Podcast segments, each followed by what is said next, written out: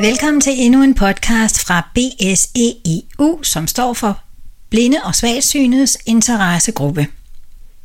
I denne udgave skal vi møde Simon Franje Sørensen, som fortæller til Maria Klink Andersen om sine synsudfordringer, der har en lægelig diagnose, retinitis pigmentosa, med en merkula dystrofi.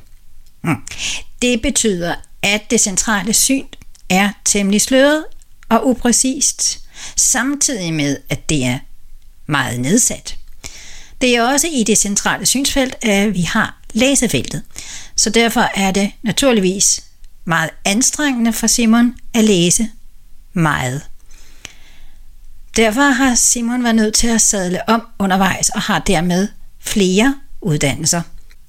Velkommen til Simon fra Sørensen og Maria Klink Andersen, og til dig. Jeg hedder Sofia Solring og har redigeret denne podcast. Hej Simon. Hej Maria. Jeg vil gerne interviewe dig i forhold til øh, din øh, synsstatus og øh, om du er i gang med uddannelse, job. Øh, ja, hvad du ellers øh, går og laver i din øh, hverdag med udfordringer og øh, hvad vi ellers har som synshandicappet. Jeg vil gerne øh, starte med øh, din synsstatus. Altså, hvordan du ser sådan mere billedligt, hvis du kan prøve at beskrive det. Ja. Altså, jeg har jo en, en synsstatus, der hedder de her 66, altså 10 procent. Sådan, hvad skal man sige, som er det, jeg ser sådan funktionelt. Det vil sige, jeg ser egentlig farver, og kan godt skelne imellem det. Jeg kan også godt se en del lys. Jeg orienterer mig egentlig rigtig godt jeg kan se godt nok til stadigvæk at cykle at løbe. Men det kræver også en del kræfter, det med at fokusere.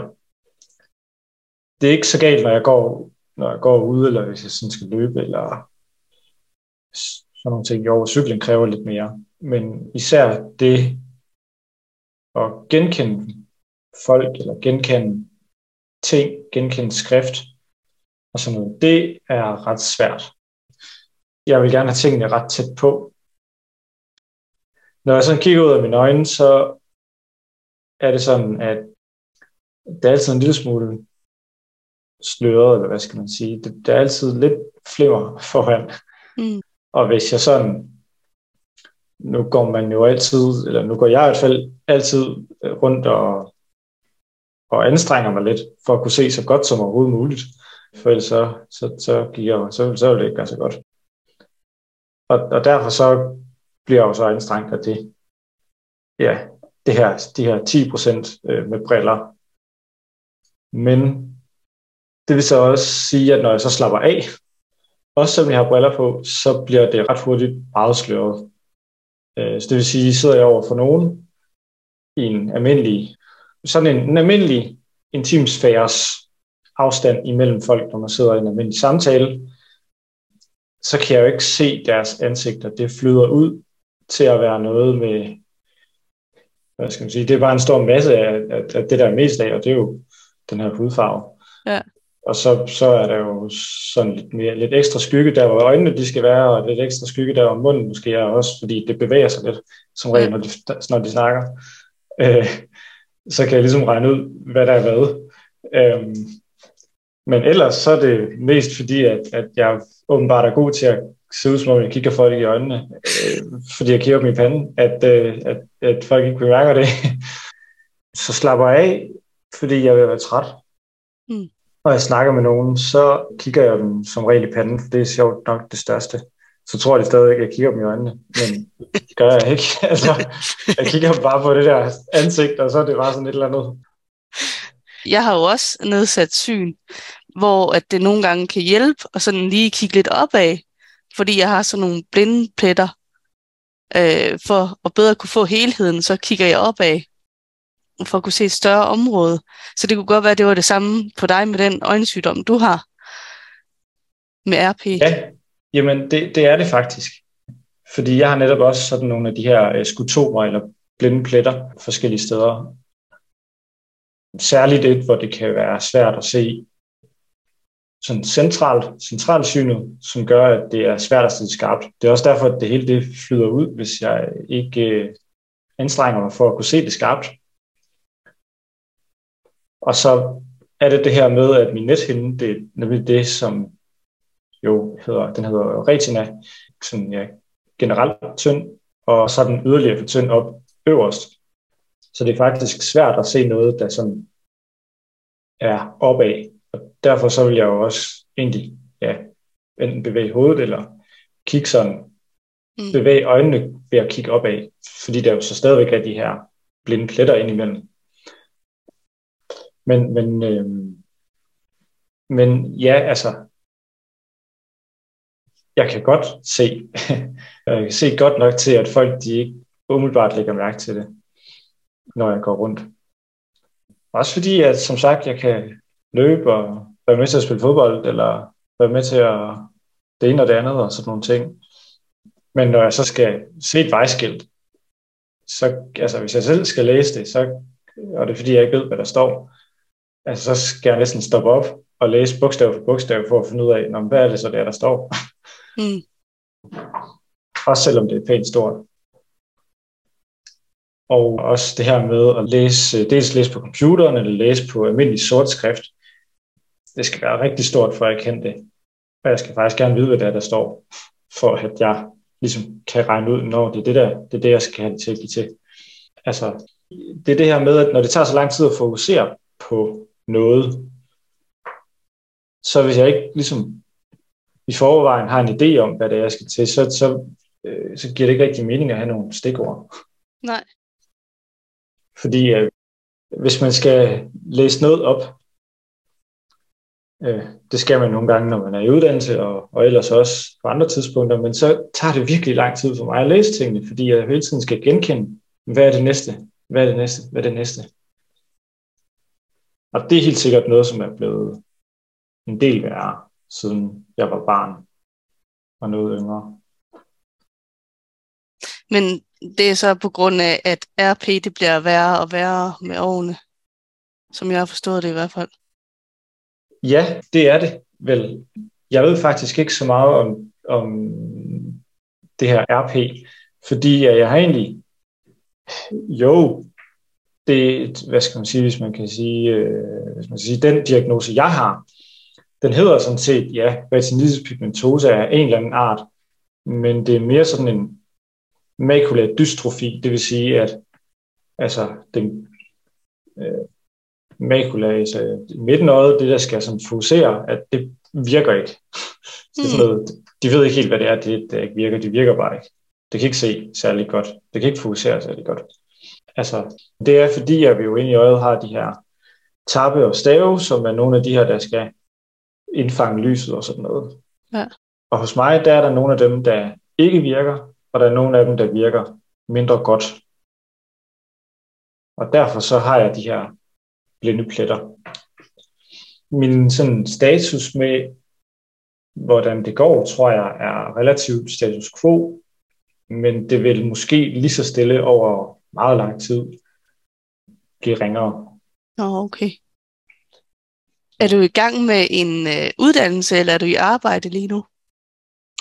Lige nu er jeg i gang med en uddannelse til fysioterapeut. Og jeg er faktisk nået ret langt. Lige nu er jeg på 6. semester. Det vil sige, at jeg har et... Øh, uddannelsen var syv semester, så øh, jeg har omkring et års tid tilbage. Okay. Øh, det vil sige 6. semester, som var fra august, ah, september til jul, januar.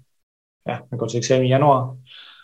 Og så er den jo så, det andet semester er så fra februar til juni.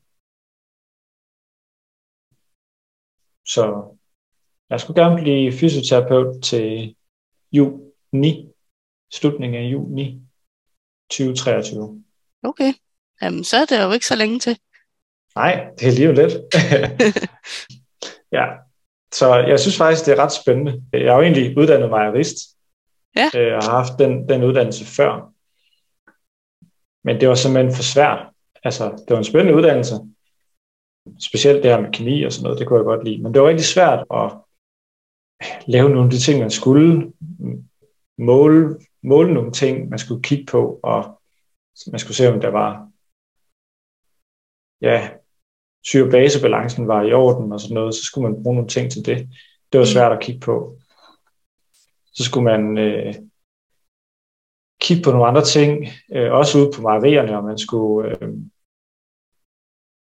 især kigge på de her computerskærme, ja, okay. som der er mange af ude på mejerier, eller også er de store, og øh, de her skærmbilleder, som de har, det er, ja, til billeder. Øh, så det, det er ret svært at gøre større eller mindre, eller kunne få nogle programmer til at kunne oplæge, liste op, eller sådan nogle ting. Og egentlig så, så er det også ret nødvendigt, at man har et stort overblik sådan et sted. Mm. Og det er bare svært, hvis man har svært ved at fokusere og stille skarpt på ting.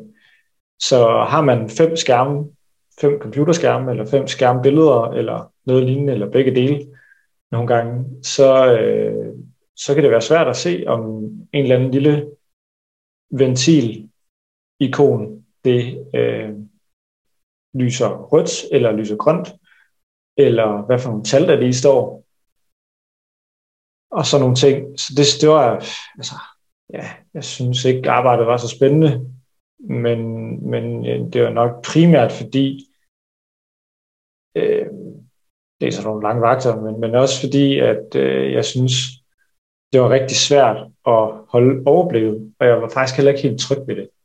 Okay. Øh, ved, at, ved at ligesom også skulle være den, som havde ansvaret for de her øh, 120.000 liter mælk i den her tank.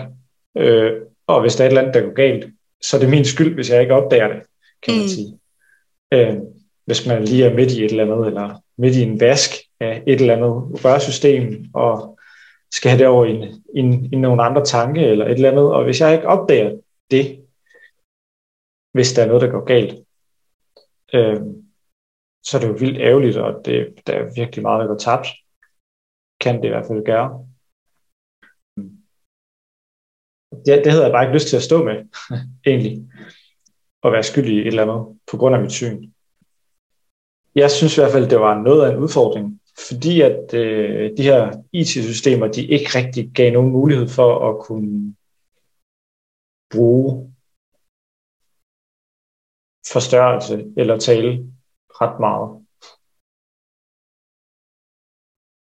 Indimellem brugte jeg Windows forstørrelsesglas, og det var nok sådan cirka det, der virkede.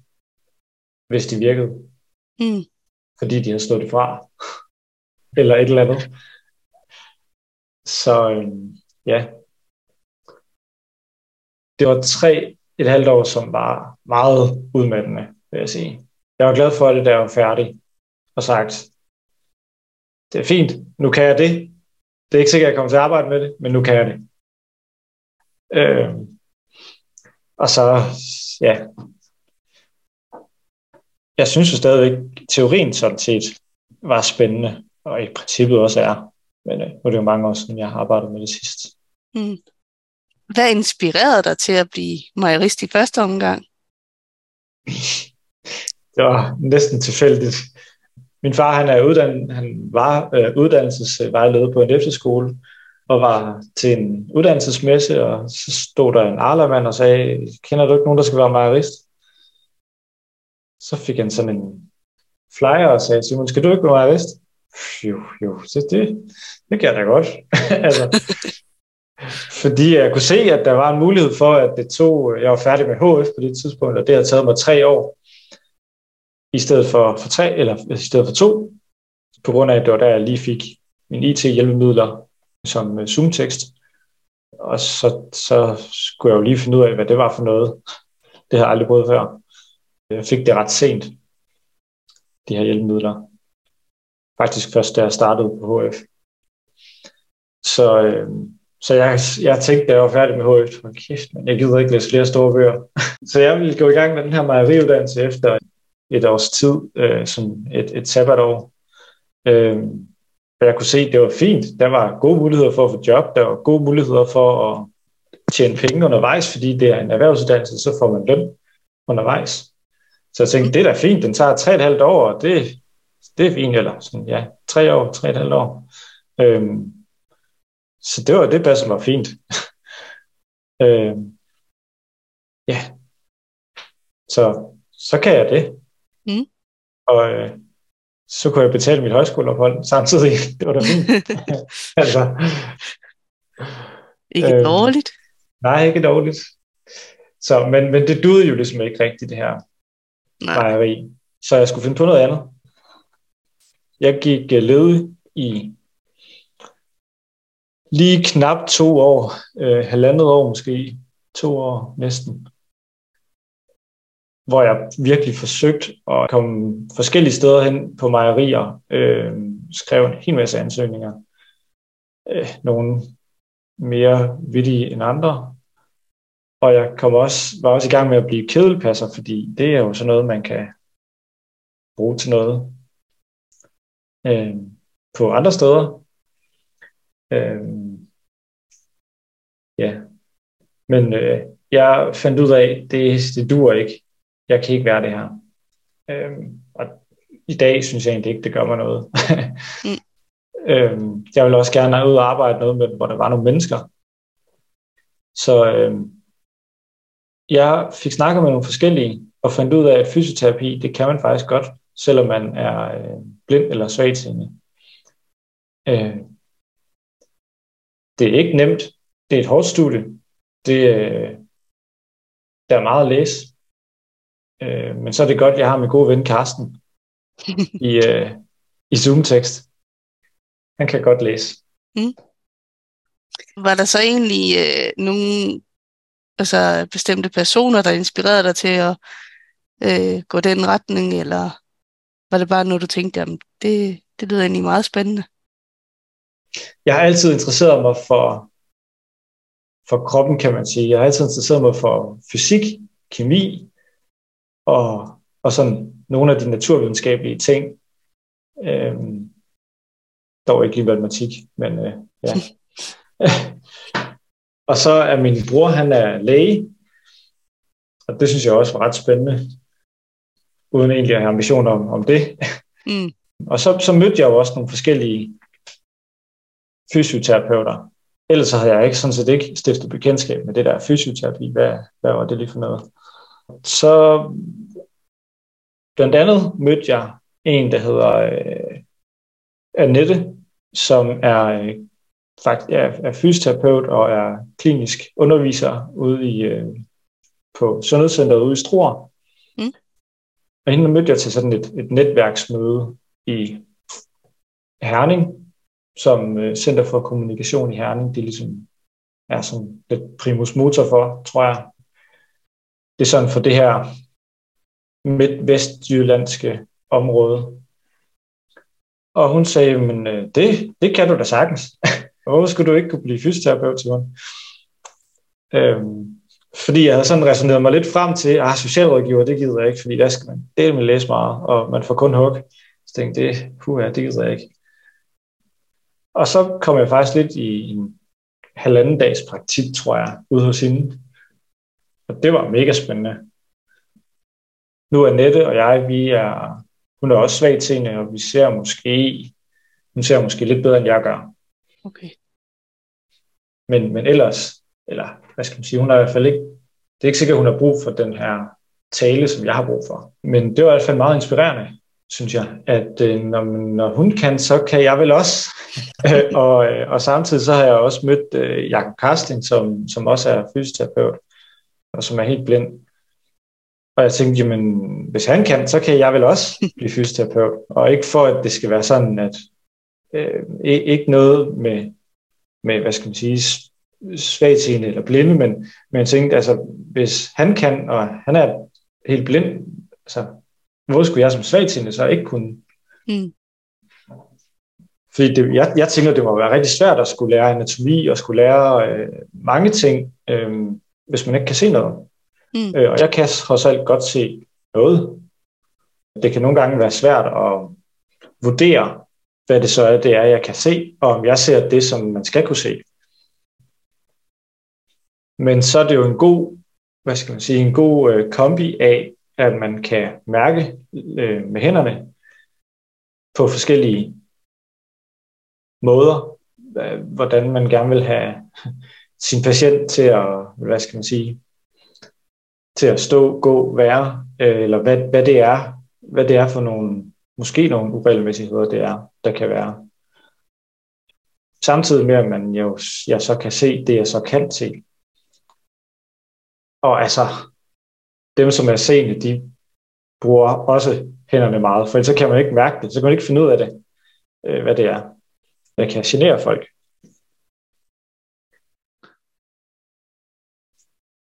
Jeg bruger rigtig meget min computer. Det er simpelthen mit vigtigste værktøj.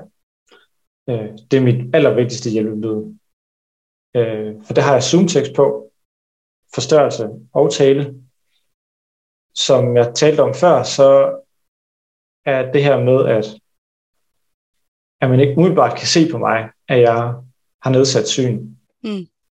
Det kan godt være lidt en udfordring, men, men altså, ser man mig, øh, når jeg læser på min computer, eller skal kigge på noget andet, så kan man jo se, at jeg stikker hovedet fuldstændig, tager tingene fuldstændig op til ansigtet, eller stikker hovedet fuldstændig hen og ind i computeren. Også nogle gange, selvom jeg har både to og tre gange forstørrelse på. Så, så tingene bliver forstørret. Det kan jo igen godt være lidt en udfordring, når man lige skal finde, hvad der er på skærmen. Men på den måde kan folk jo også se, at jeg, det er altså ikke bare pjat, at, at jeg ikke kan se, hvad det er, der foregår, eller jeg er ikke lige, øh, hvorfor jeg ikke lige hilser på dem på gangen. Fordi det er ikke sikkert, at jeg har set dem. Det er ikke sikkert, at jeg har genkendt dem.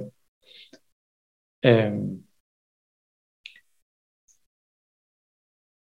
Men zoom-tekst på min computer, det er simpelthen det bedste hjælpemiddel, jeg har.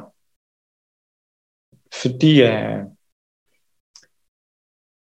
der er så mange ting, der kan læse, der skal læses.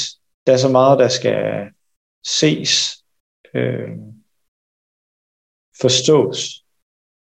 Øh, når man skal finde ud af, hvordan musklerne de sidder, eller ja, forstå det her, øh, så er det virkelig godt at kunne se på computeren, eller se nogle videoer, for at kunne forstå det her med musklerne. Mm. Øh, men især det her med at kunne læse på computeren, eller endnu bedre nogle gange, at kunne læse via min telefon, plot det i ørerne, og så er det ikke sikkert, at jeg lige ser billederne, men det må jeg gøre på et andet tidspunkt. Men så kan jeg simpelthen øh, slappe lidt af i øjnene, få noget ro, men alligevel lytte efter. Så, så der, på den måde, så er jeg ret glad for, at der ligger mange af mine, øh, mine skolebøger ind på Nota, og også i Notas app. Føler du, at du er her over dit eget liv? Ja, det synes jeg da øh, egentlig, jeg er. Det er ikke altid, jeg synes, det er helt alene nemt at, at styre bilen på den måde, eller styre cyklen, kan man sige. Øh, nogle gange så er det lige lidt, øh, lidt kantsten og lidt øh, noget, man skal ud, udenom. Øh, men, øh, men i det store hele, så synes jeg, at, øh, at jeg selv styrer det. Mm. Ser du fordel ved at have et synshandicap?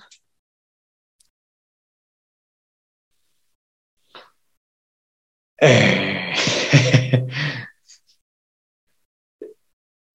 ja, øh, på nogle punkter. Altså, det er da altid godt at kunne komme øh, afsted med toget til en ikke helt lige dyr pris som alle andre. Øh, det, det, er, det er jeg glad for, men det er jo, kan man sige, det er jo også lidt af nød, for det er da klart, at jeg vil langt hellere kunne, jeg vil hellere selv kunne bestemme, fuldstændig om, hvornår og hvor jeg vil tage hen i min bil. Det var noget af det, jeg selv var sådan lidt ked af, da jeg fandt mere ud af, hvad det, hvordan mit syn det ligesom bare var.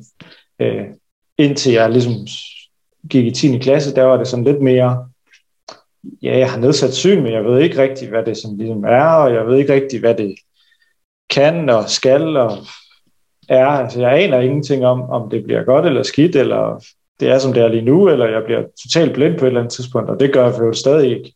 Jeg aner ikke, om det og hvordan det udvikler sig.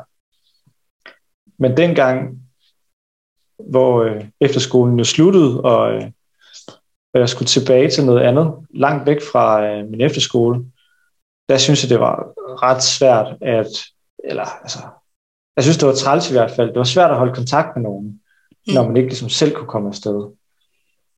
Øhm, og det, sådan synes jeg nogle gange stadigvæk, det er det der med, ikke selv at kunne komme afsted, når jeg vil. Har du udviklet nogle andre eller ekstra ressourcer, som, øh, som du ser det?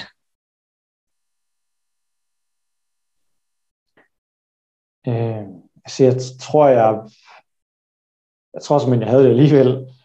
Men, men altså, sådan som jeg ser det, med at have synsnedsættelse som et handicap, så synes jeg, at, øh, at man får en indsigt i, hvordan ting kan være virkelig besværlige. Øh, men man får også mulighed for nogle gange at sætte pris på noget, nogle, nogle lidt mindre ting. Øh, sådan være taknemmelig for nogle andre ting. Og man får måske også mulighed for at ja, det ved jeg ikke, om det er nogen styrke ting, men jeg synes da, jeg synes nogle gange, jeg har været nede i nogle lidt trælse dybe huller, eller skulle til at klatre op af et pænt stort bjerg. Øh, det er ikke altid, jeg fandt den der, den der afsats, hvor jeg lige kunne holde en pause. Øh, men, men samtidig så er det, det lykkedes mig at, at finde de her plateauer, hvor man lige kunne hvile og og sige, Nå, hold da kæft mand, jeg er faktisk kommet ret langt op det her bjerg. Det går egentlig okay. Det går egentlig godt nok. Og det er faktisk ret sejt, når jeg nu ikke kan se ret meget og klatre op ad det her bjerg. Sådan har jeg samtidig tænkt det. Ja. At der vil være udfordringer. Og nogle gange så går det let. Eller lettere. Og andre gange så, så er det næsten en uh, mere lodret stigning, end, end det ellers kan være. Føler du, at du er blevet et med dit synshandicap? Jeg synes, jeg har accepteret det. på en anden måde i hvert fald. Mm. End, end for øh, 10-12 år siden, mm. tror jeg. Jeg tror, jeg har accepteret det mere. Jeg ved ikke, om jeg synes, jeg er blevet et med det. Jeg tror, at dels er jeg bare blevet ældre. Og dels så har jeg også bare ligesom fundet, fundet nogle veje, og et stadie, hvor jeg ligesom kan finde ud af, okay, det er pissehårdt, og nogle gange så er jeg også bare totalt ensom med det, fordi der ligesom ikke er nogen, der kan forstå, hvordan det er, jeg ser, eller kan forstå, hvad det er, jeg synes, der bare er mega svært og hårdt, når man ikke kan se ret meget, eller når man virkelig skal anstrenge sig for at kunne se noget der er selvfølgelig indimellem, hvor jeg er virkelig træt af det og sur på det. Men øh, overordnet, så tror jeg, jeg har accepteret det. Øhm, jeg ved ikke, om jeg har forstået det, men jeg tror, jeg har accepteret, at Nå, jamen, det er sådan, det er nu. Øh, det er ikke sikkert, det bliver meget bedre. Øh, det er der faktisk en vis sandsynlighed for, at det ikke gør. Altså, men, men samtidig så ved jeg heller ikke, om det bliver vildt meget ringere. Altså, jeg aner det simpelthen ikke. Mm. Øhm, så lige nu er det godt med det, jeg kan. Øhm, og jeg er glad for, at jeg stadigvæk, som sagt, kan løbe og cykle og, øhm, og gå til dans. Og så længe jeg kan det, så er jeg glad for det. Øhm, hvis det en dag viser sig, at det er ikke så nemt, og det kan jeg ikke så godt længere, så, så må jeg finde på noget, jeg godt kan. For eksempel at stå på langrand. Det er noget, jeg har gjort i mange år, eller stå på ski i det hele taget. Mm. Jeg ved jo, at der har været en, en blinde skiunion, som har stået på langrand, så det kan jeg selvfølgelig stadigvæk. Ja. Øh, jeg ved, at, at, øh, at, at jeg kan sagtens starte, jeg kan fortsætte med at løbe, for det kan jeg godt lide, men så er det ikke sikkert, at jeg kan løbe selv. så må jeg have nogen til at hjælpe mig med at lede vejen, hvis jeg bliver helt blind, at jeg har brug for det. Så jeg tror, jeg er et sted, hvor jeg er, ja, mere eller mindre sådan afklaret med, at jeg kommer ikke til selv at kunne køre en bil, medmindre der kommer selvkørende biler, som, som jeg da håber, der gør på et tidspunkt, hvor man ikke er tvunget til, at øh, man skal kunne tage over, hvis øh, der skulle ske et eller andet, men hvor jeg rent faktisk kan sætte mig ind og køre i en bil, eller i en bil, hvorhen jeg vil, når jeg vil. Øhm, og ikke skal være afhængig af, at togene de går, eller også så godt de ikke, eller, eller at jeg kan, kun kan cykle, eller at jeg skal køre med nogen for at kunne komme et sted hen. Øhm, det er skide irriterende at være afhængig af det. Men det er der nu engang ikke så meget at gøre ved. Det er sådan, landet ligger. Det er sådan, det er. Og så må jeg ligesom lære at finde mig ind under det. Øh, hvis det betyder, at øh, det er svært at bo i Holstebro, hvor jeg bor nu, så kan det være, at jeg flytter til Aarhus, eller Østpå, eller et andet sted, hvor det er muligt. Mm. Øh, nemmere. Øh, så derfor kan jeg godt forstå, at der er mange, der bor i Aarhus, eller øh, København, eller Odense, eller noget af den stil. Øh, og at der ikke er lige så mange med et nedsat syn, som bor herude i Vestjylland. Fordi det er bare et faktum. Selvom her i Holstebro er der faktisk okay forbindelser øh, sydpå og østpå, så er der ikke særlig gode forbindelser, hvis man bare skal nogle gange til det lokale. Det er ikke bare sådan lige at kunne sætte sig ud i sin egen bil. Mm. Og det tror jeg, at øh, jeg efterhånden har accepteret. Og så er jeg bare glad for det, jeg nu kan nu. Altså at jeg kunne se det, jeg kan nu. Jeg er glad for at kunne vandre selv, fordi kan jeg se til stadigvæk. Det er ikke sikkert, at jeg kan se det på et kort, men så er det godt, at mobiltelefonen er opfundet, så kan jeg have en GPS, der kan fortælle, hvor jeg skal gå hen. Eller vise mig ja. det på kortet, og jeg kan zoome ind og gøre ved. Altså, der findes utrolig mange ting, hjælpemidler i dag, øh, Ja, nu sagde jeg før, at, at computeren var mit øh, allerbedste værktøj. Jeg må sige, ja, det er det, når jeg skal læse øh, bøger. Men min telefon, det er simpelthen den næste øh, bedste ting, bedste opfindelse, for det er både en lommelygte, hvis jeg har brug for det. Det er mit forstørrelsesglas, hvis jeg har brug for det. Altså, jeg bruger det hele tiden. Øh, til at tage billeder af noget, eller lige tænde for kameraet, så jeg lige kan se, læse, hvad, hvad er det, der står på den og den ting, når jeg skal hen og købe ind, eller hvad, hvad, mest, hvad er prisen, hvad er datoen for holdbarhed ind i supermarkedet. Det bruger jeg til hele tiden. Okay. Også øh, hjemme hos mig selv. Ja. Hvor jeg lige skal se, hvad er datoen. eller et eller andet. Ja. Altså, det står bare så småt. Det kan jeg ikke læse. Jamen, det gør det også. Så, øh, så jeg bruger den hele tiden, den der mobiltelefon. Mit næste spørgsmål, det er sådan lidt noget andet, men det handler om forbilleder. Har du nogle forbilleder, du ser op til? ja, Jeg tror, jeg har et forbillede i min far, og det er måske sådan rimelig klassisk. Men, men jeg tror lidt egentlig, jeg ser op til ham, fordi han altid har været sådan en meget omsorgsfuld person egentlig. Og rigtig god til at lytte. Altså, både da sådan var yngre, men i hvert fald også sådan, når jeg kom op i teenageårene og sådan noget øh, og senere her i livet, han var rigtig god til at lytte,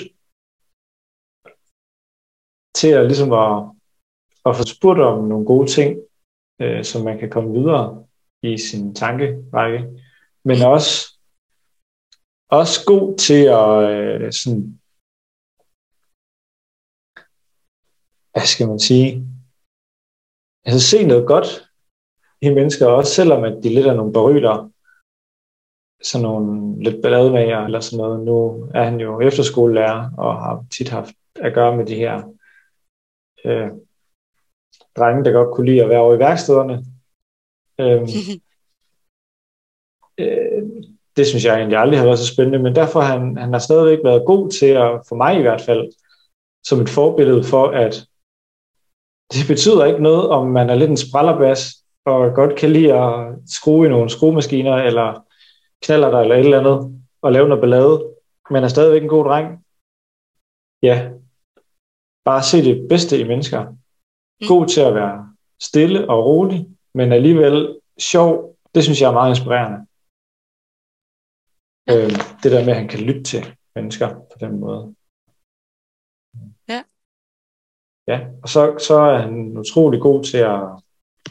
Altså, ikke lige med fantasy, det, det ved jeg ikke, hvor jeg har fra, men det, det kan jeg bedst, det synes jeg er fedt, fantasy, mm. og bøger og sådan noget. Men, øh, men han, han, der er mange ting, han synes er rigtig spændende, sådan teknisk.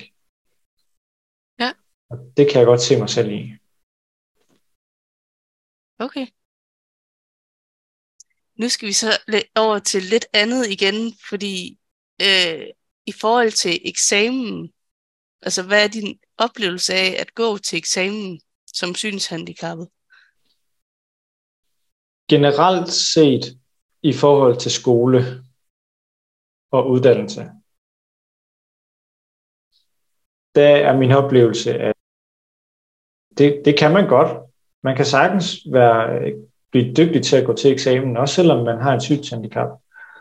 Man kan øh, også få nogle gode karakterer, selvom man har et synshandicap. Det er svært. Det kræver noget, og det kræver muligvis også noget mere end for mange seende.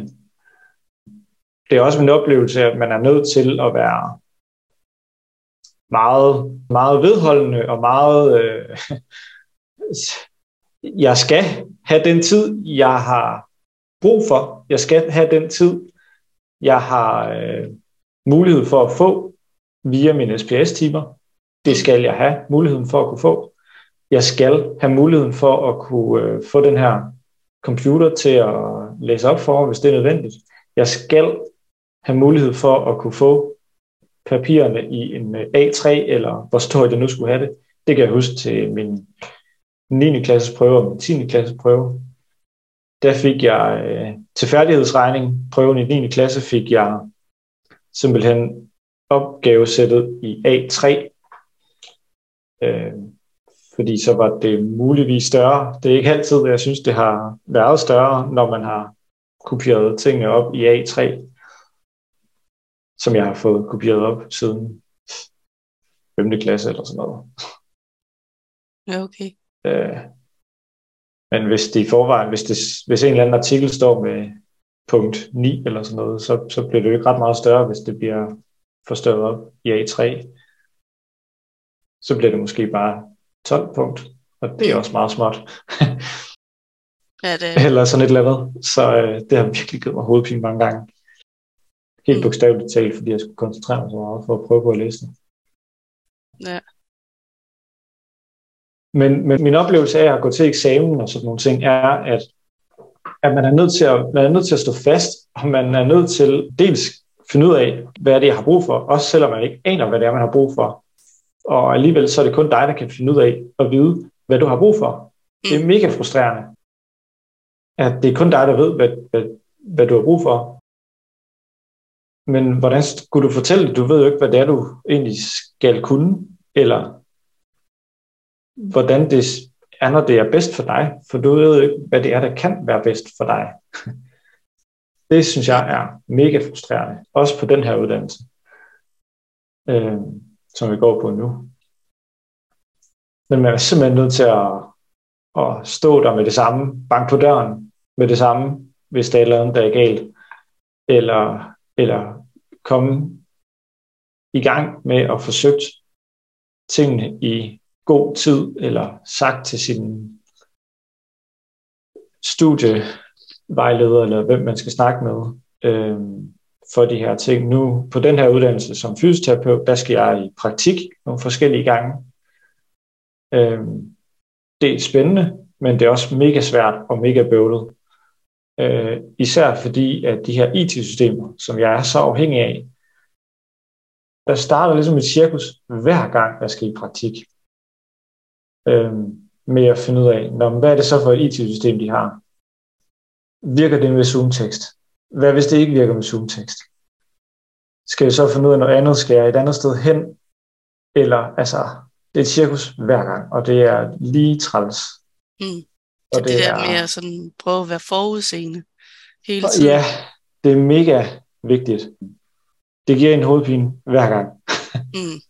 Fordi ikke nok med, at du skal prøve at følge med i skolen, og at det skal være, du skal være op på stikkerne, for det kan godt være svært.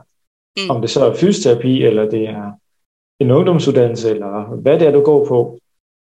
Skal du så noget andet, så, som for eksempel praktik eller noget, så skal man igen være forudseende, øh, endnu før, at man måske har fundet ud af, hvor man skal hen i praktik. Mm. Øh, altså nu er der måske en, nu er der en, en lille måned til, at jeg skal i praktik.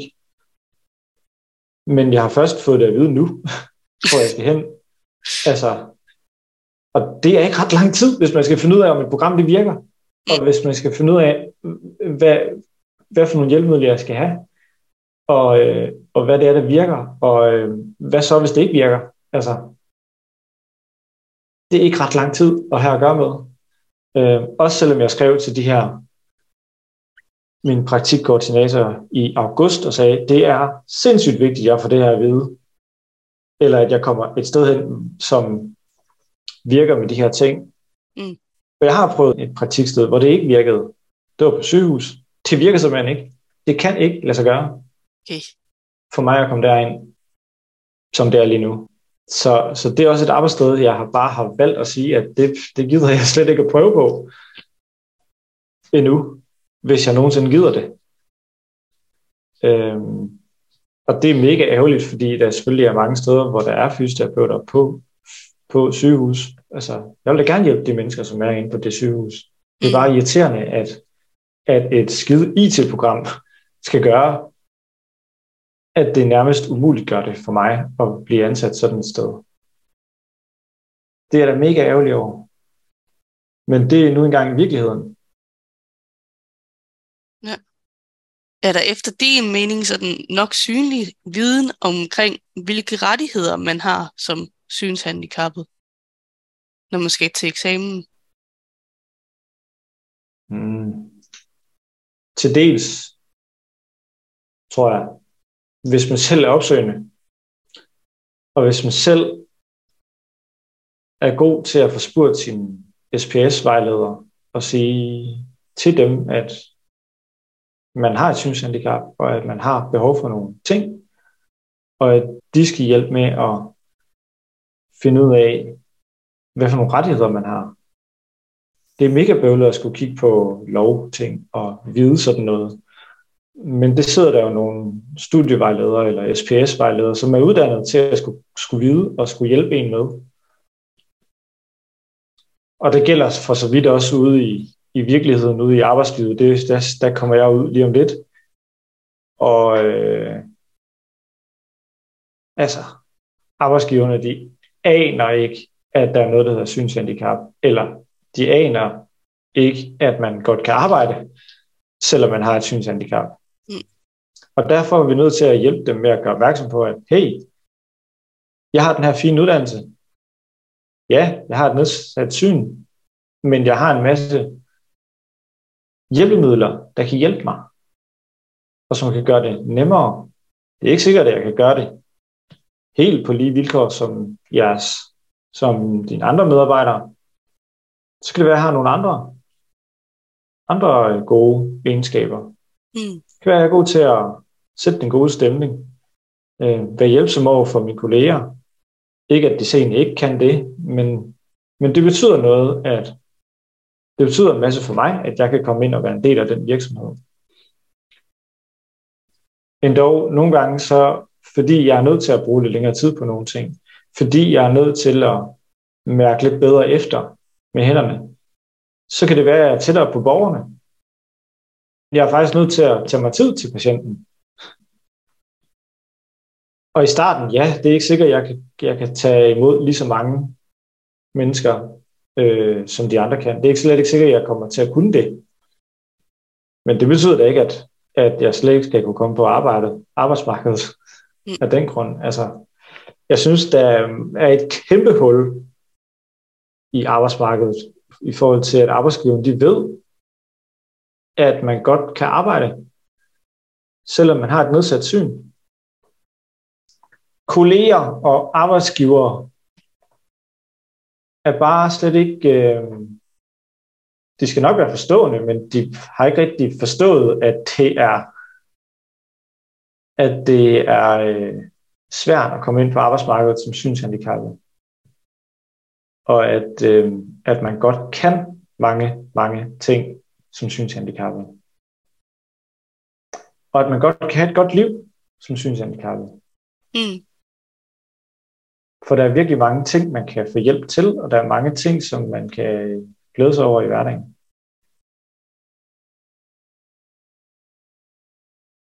Nu kommer jeg lidt over i øh, netværk, fordi jeg kunne godt tænke mig at høre, hvor du har det største netværk, om det er i blandt blinde, svagsynede eller normalseende? De senere år har jeg jo bevæget mig i forskellige, øh, primært to forskellige grupper, eller hvad skal man sige, inden for øh, synsverdenen, nemlig Dansk Blindsamfunds Ungdom, altså DBSU, og øh, og så interessegruppen øh, BSIEU, vores gode øh, forkortelse her. Øhm, jeg synes, at jeg har mange bekendte og også mange venner øh, inden for de to forskellige øh, organisationer. Øh, som den store DBS organisation har jeg ikke rigtig noget forhold til. Men jeg har også nogle gode venner uden for øh, de fællesskaber, som jeg har fået blandt andet gennem dans og KFUM og KFK, som jeg er vokset op i. Mit, mit netværk er meget lidt samlet. jeg kender rigtig mange øh, fra forskellige steder. Øh, og der, hvor jeg tror, jeg har det størst samlede netværk, det er faktisk i blinde og svagsynsverden hvor jeg, altså hvad skal man sige, hvor jeg kender flest, som også kender hinanden. Her til sidst, så kunne jeg godt tænke mig at høre, hvilke gode råd du har til andre, der gerne vil starte på en uddannelse, eller drømmer om at komme ud på øh, arbejdsmarkedet.